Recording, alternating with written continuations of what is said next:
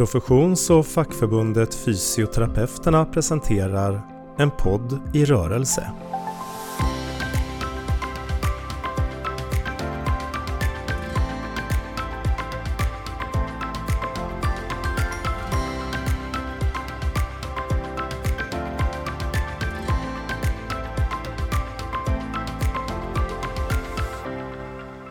Välkomna till Fysioterapeuternas eh, podd i rörelse. Idag ska vi prata om, ehm, ja vi ska prata om pandemin eh, och konsekvenserna av den lite grann. Eh, under pandemin så har det ju, som vi fortsatt befinner oss i, så har det ju blivit eh, tydligt för många och för många fler vad fysioterapeuter kan. Vi har varit och vi är fortsatt viktiga i det akuta skedet för personer som har drabbats av covid. Ehm, men vi är också viktiga i det senare skedet när det gäller rehabilitering och när det gäller stöd för att komma tillbaka efter sin sjukdom. Och det är precis det som vi ska prata om idag.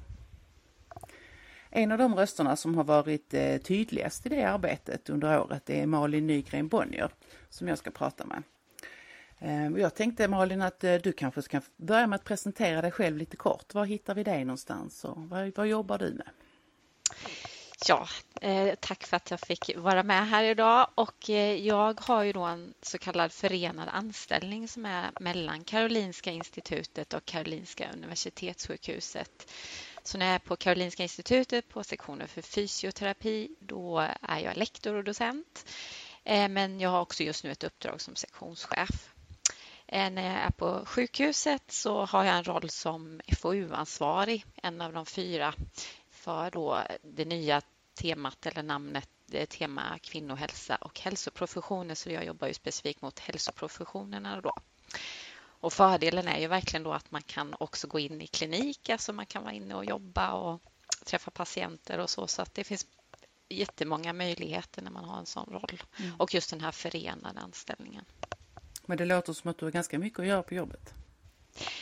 Ja, det har varit ganska mycket från början och sen så kom den här pandemin då och då var ju det också mitt forskningsområde för jag är också forskargruppsledare på sektion för just en, en som handlar just om andning och eh, kardiovaskulära eh, problem och tillstånd. Eh, så att eh, det blev ju också att man behövde ta det fokuset i den här pandemin. Så det blev utöver det vanliga. Precis. Mm. Vi ska faktiskt också fira lite grann idag för att eh, jag pratar ju med årets fysioterapeut 2021. Stort, ja. stort grattis verkligen från, från förbundet. Ja, stort, stort tack. Eh, det är verkligen en sådan ära eh, och jag blev verkligen jätterörd och stolt när jag fick det här beskedet. Det känns helt fantastiskt. Och det är ju väldigt fint att få den utmärkelsen och, men det är också ett väldigt stort arbete av många andra personer och kollegor och medarbetare som har gjort det möjligt att man har liksom kunnat genomföra det här arbetet. Så det är inget ensamjobb utan det är ju verkligen att jobba tillsammans med alla kollegor som har varit otroligt värdefullt. Mm. Nej, nej, men stort grattis igen. Tack. Eh, vi tar oss tillbaka till covid och rehabilitering. Du har ju du har ju jobbat med det här under, under hela pandemitiden. Ehm, hur skulle du eh, beskriva att situationen ser ut idag? Ja, nej men det, det är klart att det har hänt väldigt mycket. Från början var vi ju i det här verkligen akuta skedet när vi stod ganska så här, vad ska vi göra? Vad finns det för evidens? Eh, vi lyssnade mycket på andra länder där de låg lite före. Eh, och det har ju hänt mycket sedan dess och det akuta, ja det har ju pågått hela tiden, det pågår fortfarande, men nu är vi kanske mer inne i en, då den här, eh, vad ska man säga, den andra fasen då när vi ska få till att det blir en bra rehabilitering för patienterna då med, med framförallt långtidssymptom. Eh, och, eh, så där har vi väl ändå kommit en bit och jag tycker att det har ju liksom tillkommit kunskapsstöd från Socialstyrelsen och, och man har ju jobbat med att försöka sprida kunskap på olika sätt och jag vet att våra kollegor runt, ut, runt om i landet verkligen har ja, fått till olika flöden och sådär. Men, men jag tror ändå fortfarande att det finns en del luckor som vi behöver liksom hjälpa till att påskynda och eh, så att det blir ännu bättre. Men ehm, det är väl ja, situationen just nu att, att det har hänt ganska mycket och att vi är i, i det skedet, det här lite andra efteråt-skedet. Mm. Mm. Mm. Hur skulle du säga att eh, finns det fortsatt ett stort behov av rehabilitering? Jo, men det gör det och det märker man ju nu också i och med att eh, nu har ju också man fört in de här nya diagnoskoden då för det här med post-covid och Eh, då ser vi också en ökning av mm. de diagnoserna. Så att, eh, och det vet vi inte än. Det kom ju någon rapport här för eh, ja, under sommaren att det var runt 25 000 nu. Och, men vi vet ju inte vad, vad, det riktiga totala antalet är, om det finns liksom ett mörkertal. Så att jag tror ju att det kommer kvarstå ett tag till och vi vet ju inte heller hur det ser ut med återhämtning. En del patienter återhämtar sig ganska väl Medan så finns det ju då de som har de här kvarstående problematiken som, som ju är utmaningen då att försöka få bukt med. Så att det kommer nog fortsätta. Mm, mm. Mm. Du, du, du, har ju pratat mycket om att rehabilitering är en teaminsats. Och att det är många oh ja. professioner som tillsammans arbetar för att patienten ska uppnå sina mål. Och så är det ju, tänker jag. Om vi nu får lov att vara lite sådär Eh, vet inte, självgoda kanske är fel ord, men om vi får prata lite mer om oss själva. Hur skulle du beskriva fysioterapeutens roll i det arbetet? Ja, nej men den har ju varit väldigt viktig och, det, och jag menar vi ska ju alltid jobba så eh, helst teambaserat när det finns möjlighet. Och eh, det som, som jag tycker har varit så liksom väldigt konkret är ju att i och med att vi gör de här bedömningarna av funktion, framförallt den fysiska funktionen då, så får man ju ofta svaren på vad patienten faktiskt har för problematik. Till exempel när man gör ett gångtest och patienten desaturerar eller när man liksom reser sig upp och gör de här uppresningstesten att man kan se en ökad hjärtfrekvens. Alltså det, vi hittar ofta de sakerna som är, kan vara lite alarmerande mm. som gör att man behöver gå vidare. Så jag tycker att vi har ju den förmågan både att göra de bedömningarna och också då kunna liksom tolka eh, och Eh, få ja, ha den inputen med i själva liksom teamet. Och sen då såklart hur vi sen då tar hand om dem efteråt. Det här med, att, med rehabiliterande insatser av olika slag. Att vi är så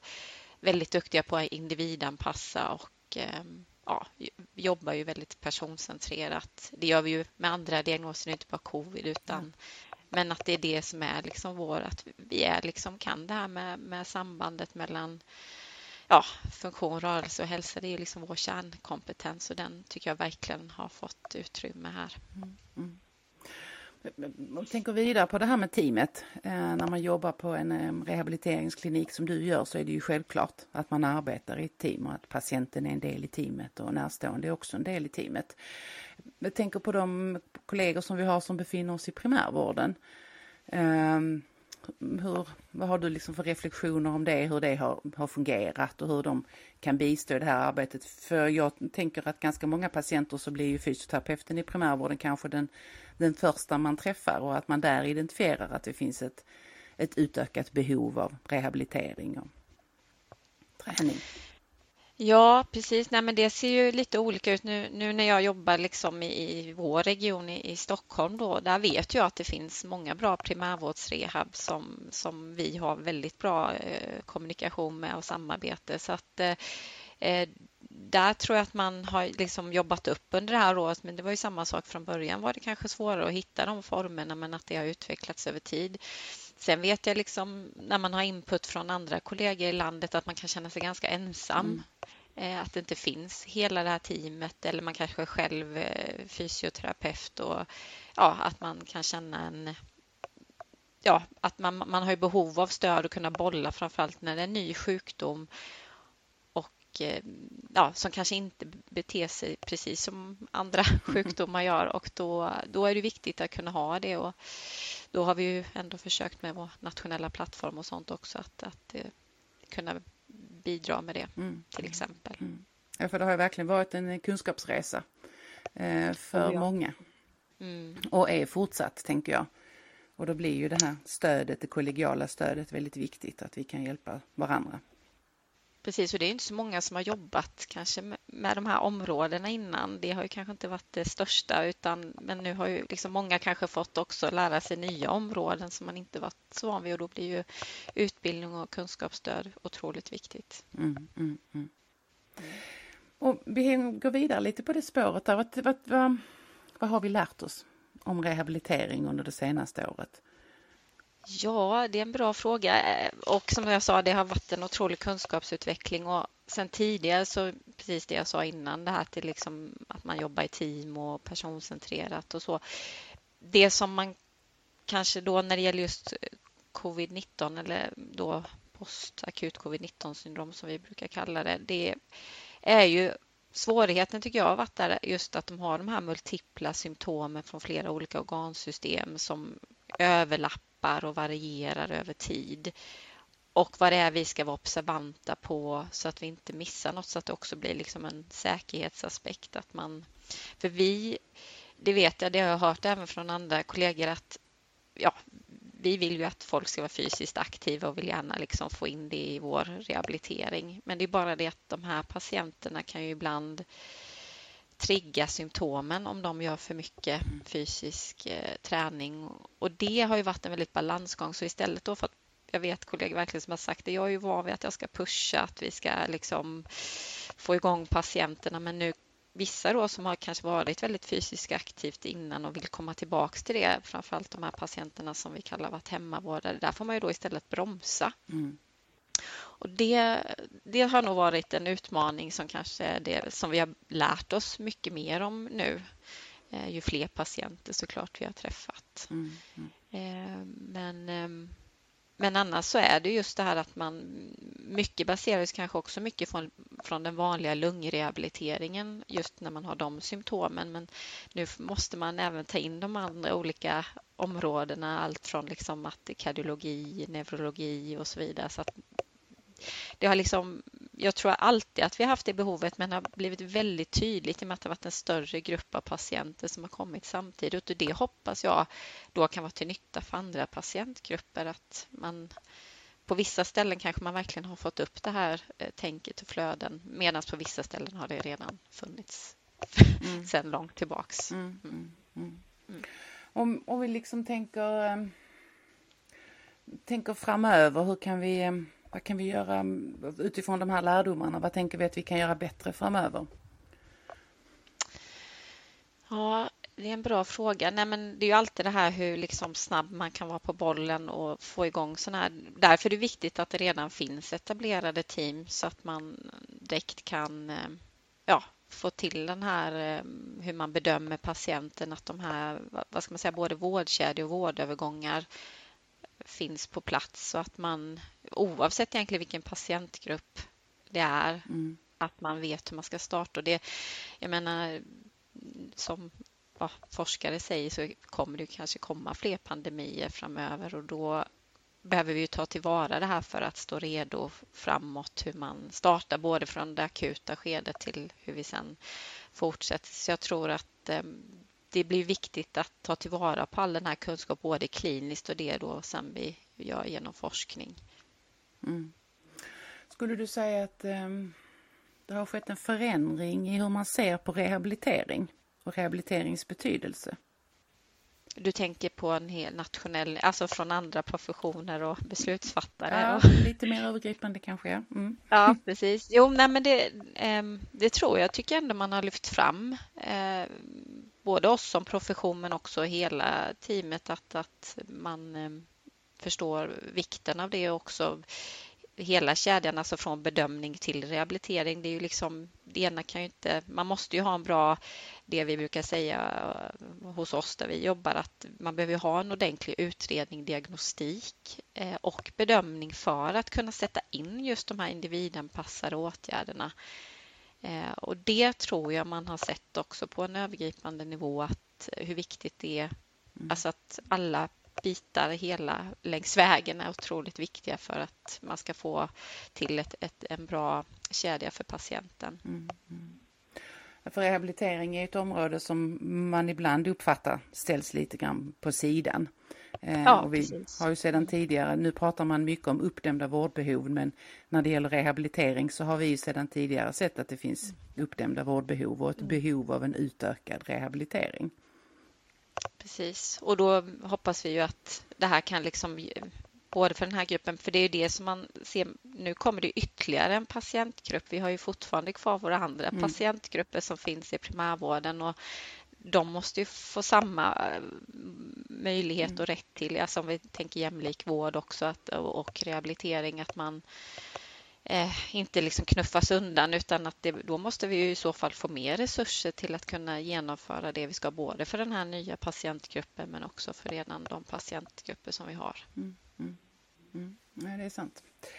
Ehm, du pratade lite grann tidigare om den här kunskapsplattformen som finns för fysioterapeuter och du var ju med och startade upp den. Ni var väldigt tidigt ute, eller vi var väldigt tidigt ute med att starta upp den.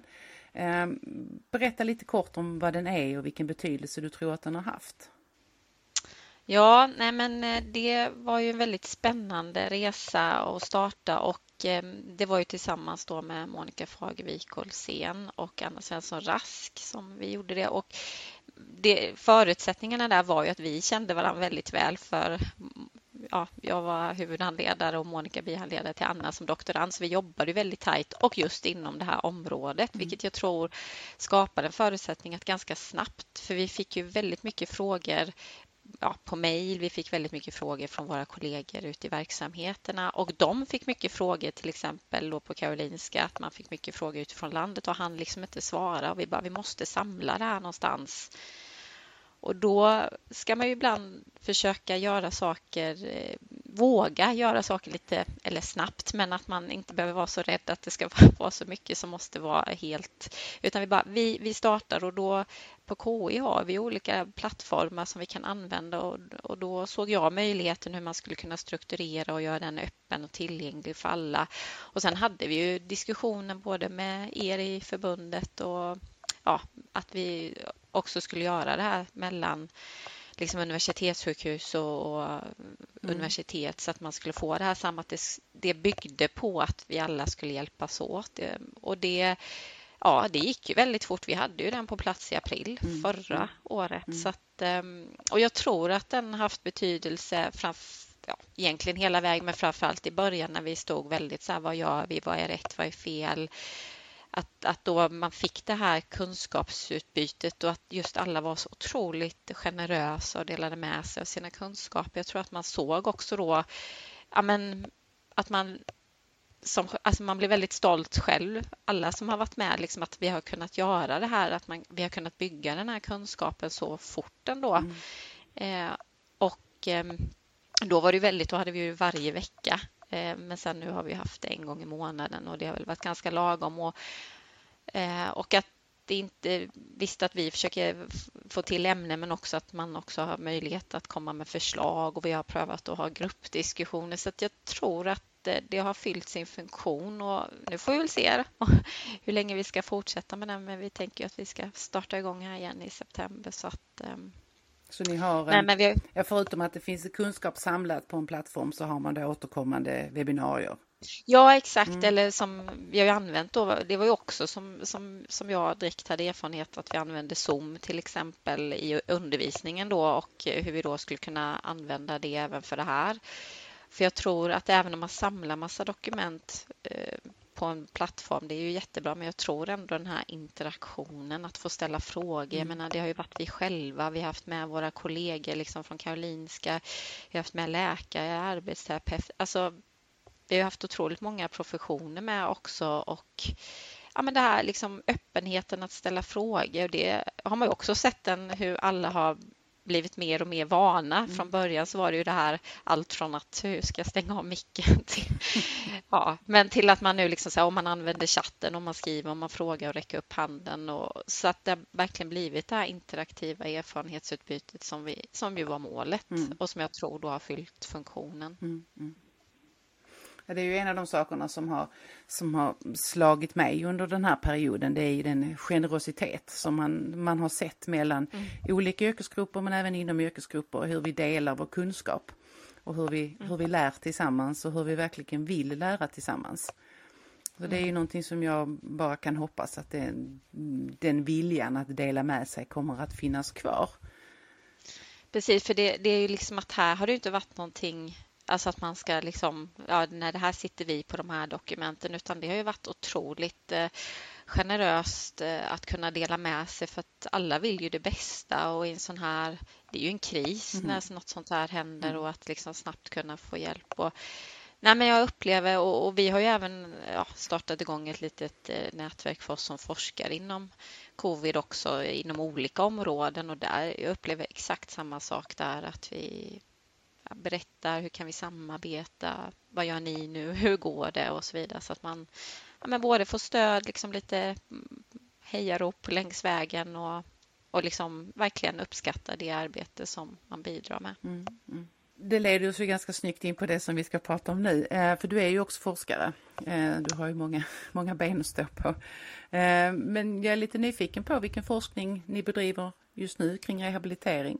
Ja, Ja, nej, men det har ju varit det, är ett eh, väldigt stort projekt vi har igång och som vi också startade väldigt tidigt, eh, Rekov. Eh, och det är ju både egentligen för patienter, eh, närstående och för personal. Eh, och det första har ju varit egentligen att kartlägga och bedöma den fysiska funktionen och psykologiska funktionen och så vidare och livskvalitet.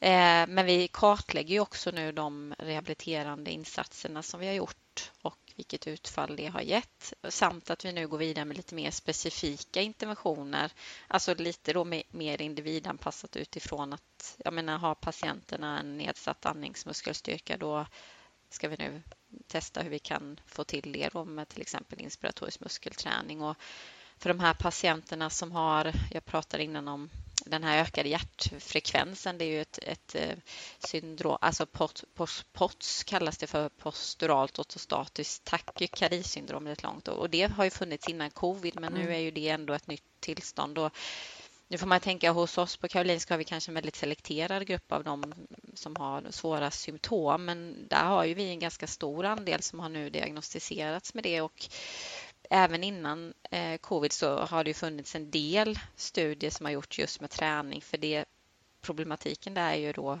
att det triggar symptomen. Så därför behöver man verkligen jobba väldigt i progression, ofta börja kanske i en liggande position. Så det ska vi utvärdera nu också. Mm. Och sen så såklart eh, blir det ju också att man får med lite, eh, eller en kvalitativ eh, del också, att man tittar på, eller vad patienterna, hur de har upplevt rehabiliteringen så att vi får med den delen för att ja, om vi ska kunna göra det bättre så behöver vi ju ha patientperspektivet. Och vi planerar även för att få med även ehm, ja, all personal, alltså alla professioner som jobbar med eh, reha, alltså att få med deras perspektiv på rehabilitering också. Så att, eh, ja, det är många olika delar, eh, vilket jag tror ehm, ofta behövs i forskning att man får med olika perspektiv in också. Så det, ja, det pågår nog samtidigt nu alltihop. Mm. Så att, eh, mm. Mm. Och det tar ju sin tid i liksom stora material. Vi har ju följt nu över tusen patienter på Karolinska mm. och de flesta har tackat ja till att delta i forskning. Så att det är mycket ja, data att ta hand om. En, en stor mm. studie. Eh, har ni, hur, jobbar ni internationellt också? Har ni något projekt på gång där? Eh, ja, vi har ju haft lite kontakter, både då kanske specifikt med Reko. Vi hade kontakt med några i Italien och sen vi har väl inte gjort något färdigt än och sen också i lite större studier med ehm, andra forskare som är via de läkare jag jobbar tillsammans med. Så vi har lite eh, man behöver absolut jobba. Vi har haft kontakt med kollegor i Norge och ja, så det, det, finns ju. Det finns väl kanske inget färdigupparbetat, men jag tror att det kommer komma mer och mer nu när man kanske också behöver göra lite mer syntes, alltså att slå ihop, att jobba lite mer. Vi försöker jobba nationellt tillsammans i alla fall mm. med flera center och så, men ehm, Eh, Eh, ja, det tar ju alltid lite tid, både då när det liksom är en pågående pandemi och sen då få till resurser till att kunna bedriva forskning. Det är ju också en utmaning. Mm, mm. Jag funderar lite på det. Mm. Ni var så väldigt snabba på det.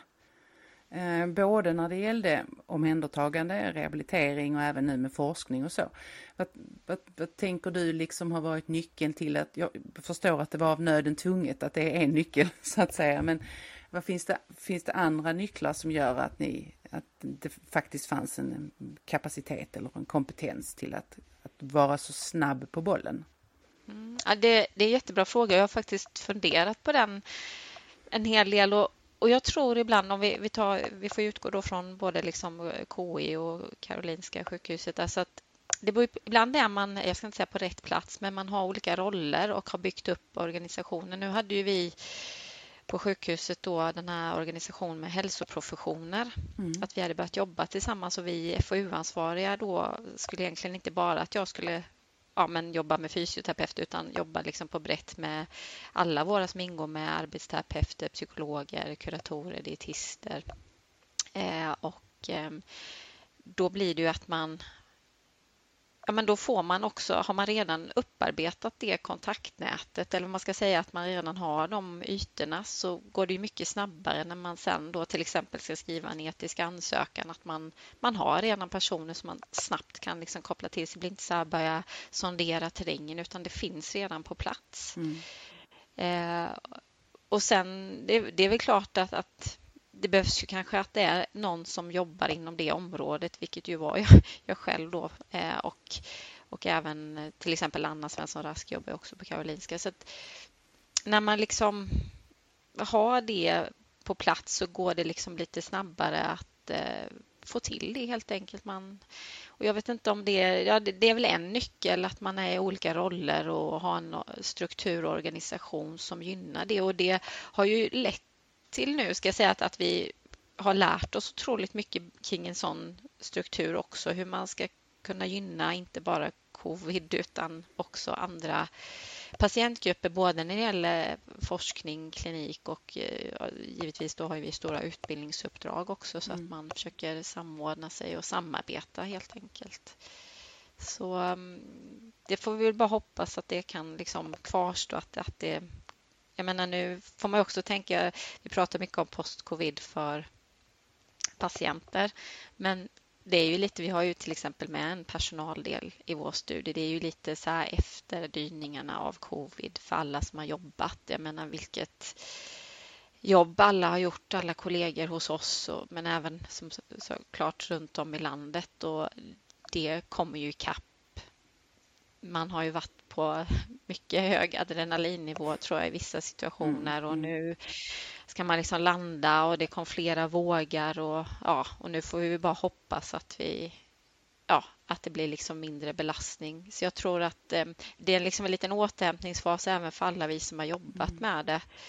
Eh, och det måste man ju också ha respekt för och att man behöver som sagt ha rätt till återhämtning samtidigt då som man ändå måste fortsätta arbetet och ja, ta hand om alla de här patienterna efteråt nu och också då med forskning. Så att, eh, ja, det är en liten balansgång eh, och, och, och liksom att alla orkar och fortsätta jobba på mm, helt mm, enkelt. Mm, mm. Och då tänker jag att det som du anger som en anledning till att det fungerade, samverkan och samarbete och goda relationer, att det liksom fortsatt blir väldigt viktigt för att hur vi ska kunna hantera det här och hur vi ska kunna ta oss ur detta gemensamt och, och liksom ändå och, och må hyfsat. Jo, precis. Jag tror det liksom när man får närhet både liksom på nationell nivå och liksom i, ja, på sitt eget sjukhus eller ja, i, och kontakterna med primärvården, då, då blir det mycket kortare vägar. Mm, mm. Det blir liksom inte så krångligt. Nej. Och det är väl så man måste ja, få till det för att det ska fungera helt enkelt. Annars blir det liksom för stort när man ska börja rodda med sånt här. Mm, mm. Um, är det någonting som du känner att jag glömmer att fråga dig om? Nej, det är väl såklart då patienterna, hur, hur det liksom, jag nämnde väl innan hur det går för dem. Alltså, eh, de har ju flera symptom och sådär, men att många ändå återhämtar sig. Nu kommer det mer forskningsstudier också som visar att man återhämtar sig ganska bra även när det gäller lungor och så vidare och det har även våra kanske lite preliminära resultat visat att det sker en viss återhämtning. Men samtidigt så finns det många kvar. Det finns också kanske en hel del kvar som fortfarande inte riktigt fått den hjälp som man... För det var ju också lite så att man visste inte riktigt var de här skulle ja, hamna, de här patienterna och man kanske inte visste i primärvården heller hur man skulle liksom ta emot dem och det har ju blivit som sagt betydligt bättre men jag tror ändå det finns en del som kanske inte har fått det mm. stöd och den eh, rehabilitering man skulle behövt och det skulle jag vilja lyfta att det är viktigt mm. att, att fortsätta med det arbetet mm. och fånga upp alla. Vad ger du för eh, råd till en patient som känner att jag har inte riktigt fått det jag det behöver jag? Det är nu någonting som inte stämmer här.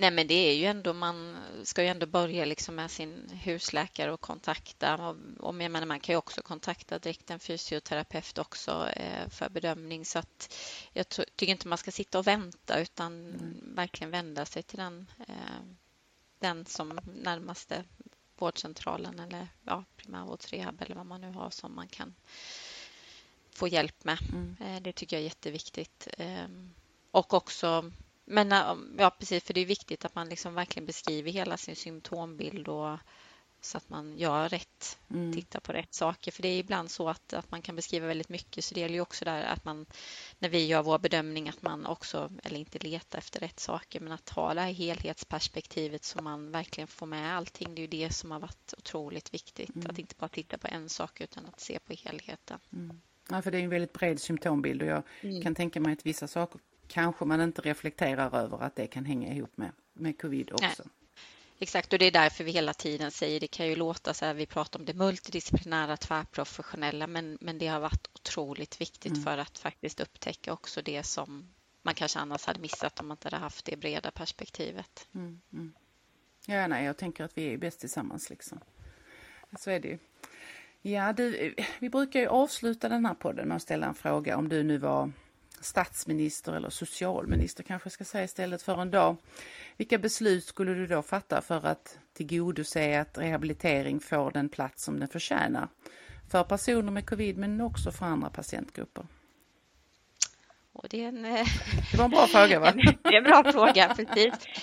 Ja, nej, men då, då, det är väl lite av det jag har sagt innan, det här liksom att, att man behöver jobba liksom övergripande. Visst, alla regioner jobbar ju liksom, man har ju sina beslutsvägar och hur man tillhandahåller rehabilitering. Men jag, jag tycker nog att det kunde vara lite mer samordning på en nationell nivå också, framförallt när det är en ny sjukdom som sen då kan generera. Så det skulle jag nog vilja att man skulle ha gjort det lite snabbare faktiskt. Mm.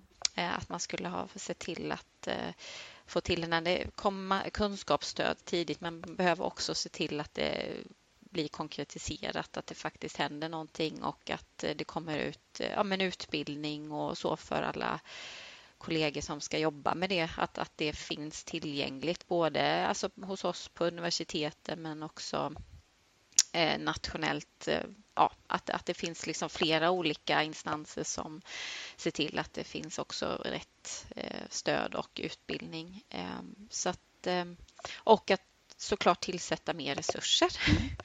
Det är ju absolut eh, nödvändigt. Som sagt, det här är ju inte då en grupp som patienter som ska tas av redan befintliga.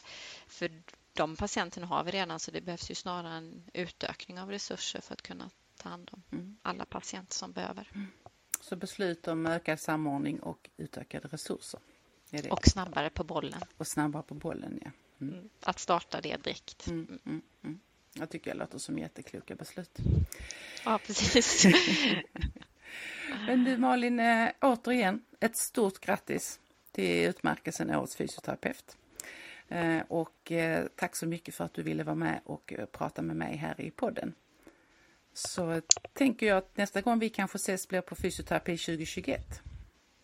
Precis, ja, och jag kan bara säga stort eh, tack igen. Det är som sagt en väldigt stor ära och eh, ja, jag ser fram emot eh, fysioterapi 2021 där vi också ska hålla utbildning om covid så att det ska bli väldigt spännande. Mm, mm, det ser jag också fram emot. Ha det bra. Tack. Tack så mycket. Mm. Tack. En podd i rörelse presenterades av Fysioterapeuterna.